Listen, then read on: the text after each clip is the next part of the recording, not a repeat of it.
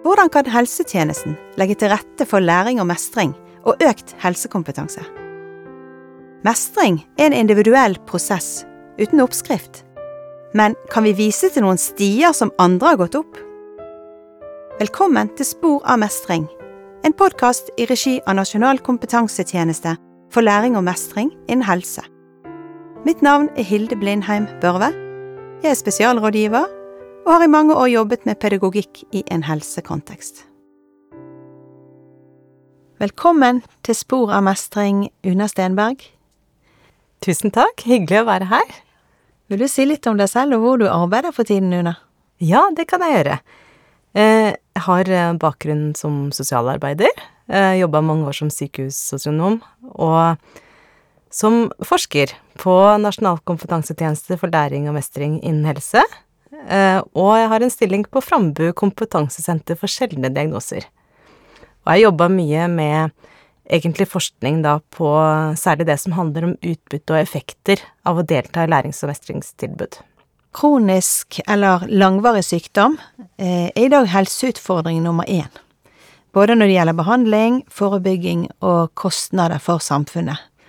Og I denne episoden så skal det handle om voksne. Vi har i tidligere episoder snakket mye om barn og unge, men i denne episoden så skal det handle om voksne, altså de over 18 år, med langvarige helseutfordringer.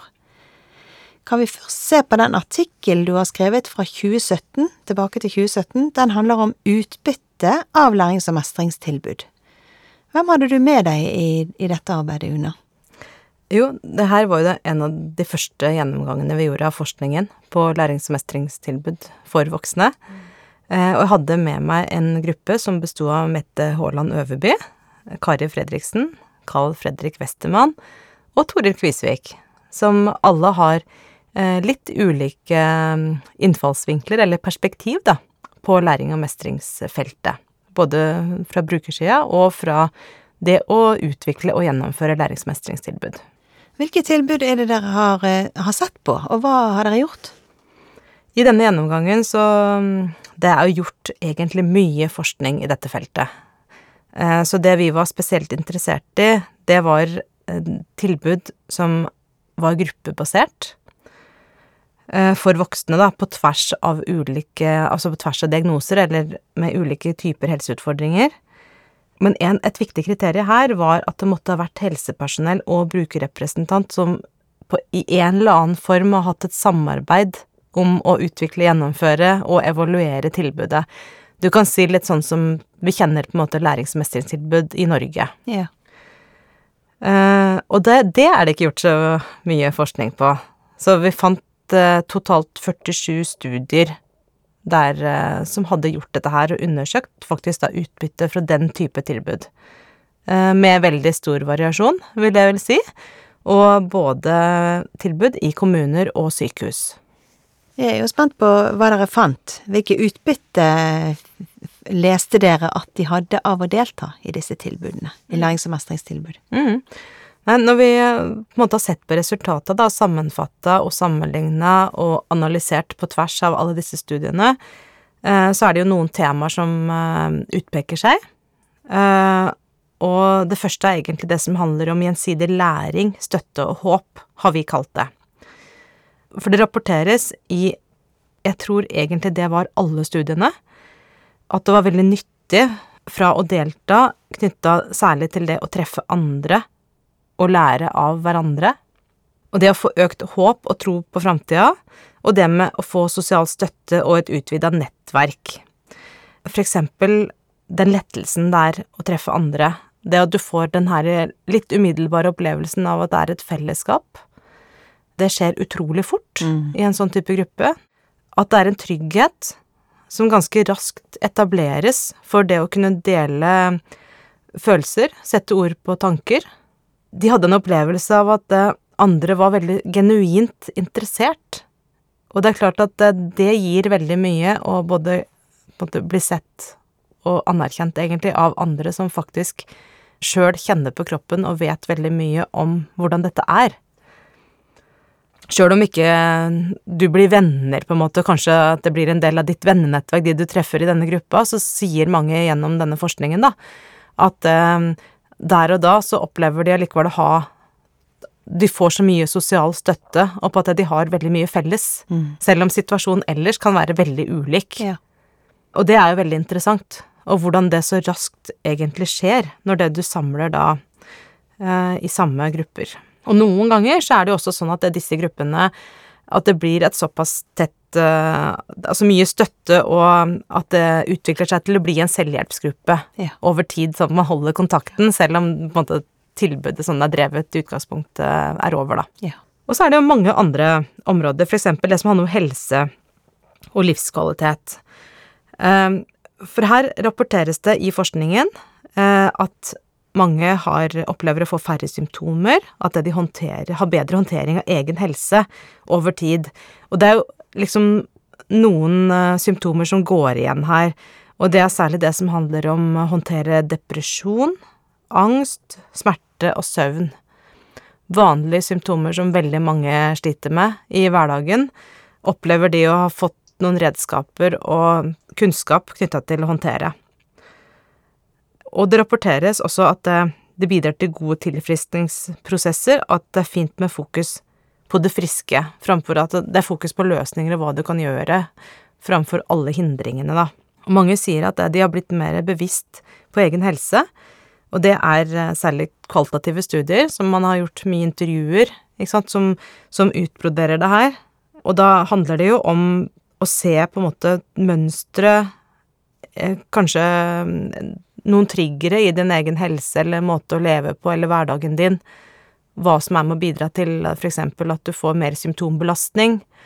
Det kan handle om det med å forsone seg, egentlig med en situasjon eller med en diagnose, og dette at eh, du er så mye mer enn diagnosen din. Altså du Så det å få jobba på en måte litt sånn med det her som tema, sånn at du kanskje kan legge litt den type tanker eh, litt fra deg, og ha fokus på mer muligheter og, og det friske, da, som de sier i de studiene. Og det handler mye om hvordan mestre tilværelsen med helseutfordringer, og i dag så Nå er det jo noen år siden vi gjorde denne oppsummeringen, og nå, i dag ville vi nok ha brukt det med helsekompetansebegrepet, egentlig, som, eh, som begrep her, for det, det, var ikke så mye Eller det var ikke, egentlig ikke i bruk eh, i 2017, da vi skrev den artikkelen. Og det handler jo om det med å få økt kunnskap, både om egen helse, hvordan leve med dine egne helseutfordringer. De har lært mye også om uh, hvordan kommunisere bedre med helsepersonell. Uh, det vet vi at mange strever med, både det å forstå og finne ut hvordan man egentlig skal gjøre dette her, kommunikasjonen. Mange opplever å ha fått større tro på egen mestring, men eh, det er også noe varierte resultater. På, det er ikke sånn alle studiene liksom viser det, men, eh, men mange studier viser det. Og mange har fått en økt opplevelse av empowerment, at ja, det, i det så ligger det også i at det, man innser på en måte at det er ingen andre som kommer inn og tar over ansvaret for deg eller for din helse. På en måte at det er der du sjøl faktisk som liksom må gjøre en del, da, og, gjøre, og gjennom den prosessen. Ja, må innta førersetet. Ikke sant? Ja. På godt og vondt. Det viser vel også at det, det her er Det er en prosess, da, og det går over tid. Og det er ulike behover, behov i ulike faser av livet har jo opp gjennom åra fått mange tilbakemeldinger av de som har drevet mye læringsmestringstilbud, og jeg husker en som sa at det er vanskelig å jobbe med Altså øke kunnskapen og styrke mestringen hvis ikke du er forsona i det hele tatt med at du har en helseutfordring som er viktig å ta tak i, ikke sant, og det Så her er det mange dimensjoner og ting som ligger under, mm. men at det er en prosess, tror jeg vi kan si se ganske tydelig. Yeah. Og det er det jo beskrevet mye i litteraturen også. De her studiene var jo mm, drevet av uh, brukerrepresentant og helsepersonell uh, sammen i veldig ulik grad, da. Så vi har sett litt på de studiene som har beskrevet på en måte noen effekter av det samarbeidet hvis man kan si det på den måten. Eh, og det var eh, mest overraskende med det, var at alle de studiene som hadde beskrevet det og undersøkt hvordan det samarbeidet måtte påvirka, de var veldig samstemte på resultater. Og det de viste, var jo at man som eh, en person med helsefaglig bakgrunn, eller sosialfaglig bakgrunn, eh, og en person med erfaringsbakgrunn tilfører liksom ulike mm, kompetanser, eller mm. ulik type kunnskap, eller hva skal man si, ferdigheter, eh, inn i samarbeidet. Man utfyller hverandres kompetanse på en måte ved at en med helsefaglig bakgrunn kan forstå de helsemessige konsekvensene, ha oversikt over kanskje hva som finnes av hjelp der ute, ha en rådgivende kompetanse og kan eh, kvalitetssikre informasjon og vite at den informasjonen kan du stole på. Det rapporterer da de som deltar i disse tilbuda, at de ser at den personen er spesielt viktig for akkurat de tinga, mens en person, person med erfaringsbakgrunn er spesielt viktig for de eh, vedkommende er en rollemodell, ofte. Er en slags ekspert, da. I hvert fall på egen mestring. Gjør det enklere å forstå, at det er lettere å relatere seg til den personen, at det hindrer hierarki, fremmer håp og empowerment, og også at de kan bidra til å sette ord på det usagte. Kanskje stille de her eh, dumme spørsmåla, ja. hvis ikke det er noen andre som gjør det. Ja, for det kan være vanskelig i en gruppe ja. å stille disse spørsmålene, ja. og da kan de bli stilt. Mm. Ja. Og det er jo også sånn at mange ikke har tenkt kanskje så mye på Altså, en, erfarings, eh, en med erfaringsbakgrunn kanskje forteller en historie, eller viser til eksempler fra sitt liv, som bidrar til at man tenker om egne erfaringer også, mm. ikke sant, ja. i lys av dette på en annen måte, da. Dette er du ekspert på, Hilde. Jeg sitter bare her og nikker og prøver, prøver å la være å si noen ting. ja, ikke sant. Det, men eh, det som er litt fint, er jo da at vi også da nå har litt forskning som mm. også faktisk eh, dokumenterer det her. Det er veldig viktig mm. å få frem. Ikke bare synsing mm. på egne erfaringer. Ja. Flott, eh, Una. Eh, jeg går rett videre, og i denne episoden skal vi se på en, enda en artikkel. Eh, læring og mestring innen helse fordi det lønner seg. Mm. Det er en overskrift der du i 2018, altså året etter, publiserte en artikkel kalt Læring pluss mestring er lik god helseøkonomi. Kan du si litt om hvem du hadde med deg i det litteratursøket, og hva som var bakgrunnen for arbeidet, og hva dere gjorde der? Ja, den eh, artikkelen som du viste til her nå, på norsk, eh, den bygger jo på en artikkel eh, fra tidsskriftet Patient Education Counseling, som hovedartikkelen er. Men den, der er det på engelsk, da. Men det var egentlig Grunnen til at vi måtte gjøre den artikkelen, var at vi fra det første artikkelen som jeg nå har fortalt om, så kunne vi ikke ta høyde for den type studier som hadde undersøkt helseøkonomiske aspekter. Og det var vanskelig å få med det i den type søk, så vi fant ut at dette må vi gjøre faktisk en egen studie på for å være helt sikre på at vi har fått med oss de artiklene som spesifikt har undersøkt det som handler om helseøkonomiske aspekter fra å delta i læringsmestringstilbud. Og der er det noen av de samme som har vært med. André Vågan, Maria Flink, Vibeke Lyngård, Kari Fredriksen, Carl Fredrik Westermann og Frode Gallefoss deltok i den gruppa.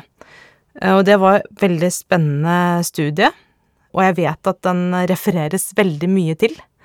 Særlig i sykehus og kommuner, der de ønsker å få til flere tilbud, rett og slett eh, fordi, for å argumentere egentlig for hvorfor dette er viktig, fordi resultatet her viser jo at det er veldig god helseøkonomi å satse på læring og mestring. Vi fant jo 56 studier på voksne og 17 studier på barn og unge, da. Og 82% av studiene viser at deltakelse i lærings- og mestringstilbud kan være svært effektivt for å kutte kostnader i helsetjenesten, og det er særlig knytta til det som handler om sykehusinnleggelser, at det blir færre eller kortere. Færre akuttinnleggelser, og det gjelder særlig for barn. Færre konsultasjoner i poliklinikk, færre besøk hos fastlege, og færre sykedager fra jobb eller skole da, for barn og unge. Så dette syns vi er viktige resultater, og det er den eneste artikkelen som statssekretæren har tvitra om, da, av mine artikler. Ja vel. Det sier jeg litt. Så ja. dette er nok noe som også politikerne er interessert i. Flott. Ja. Men hva betyr disse funnene da for praksis og fagfeltet læring og mestring, Une?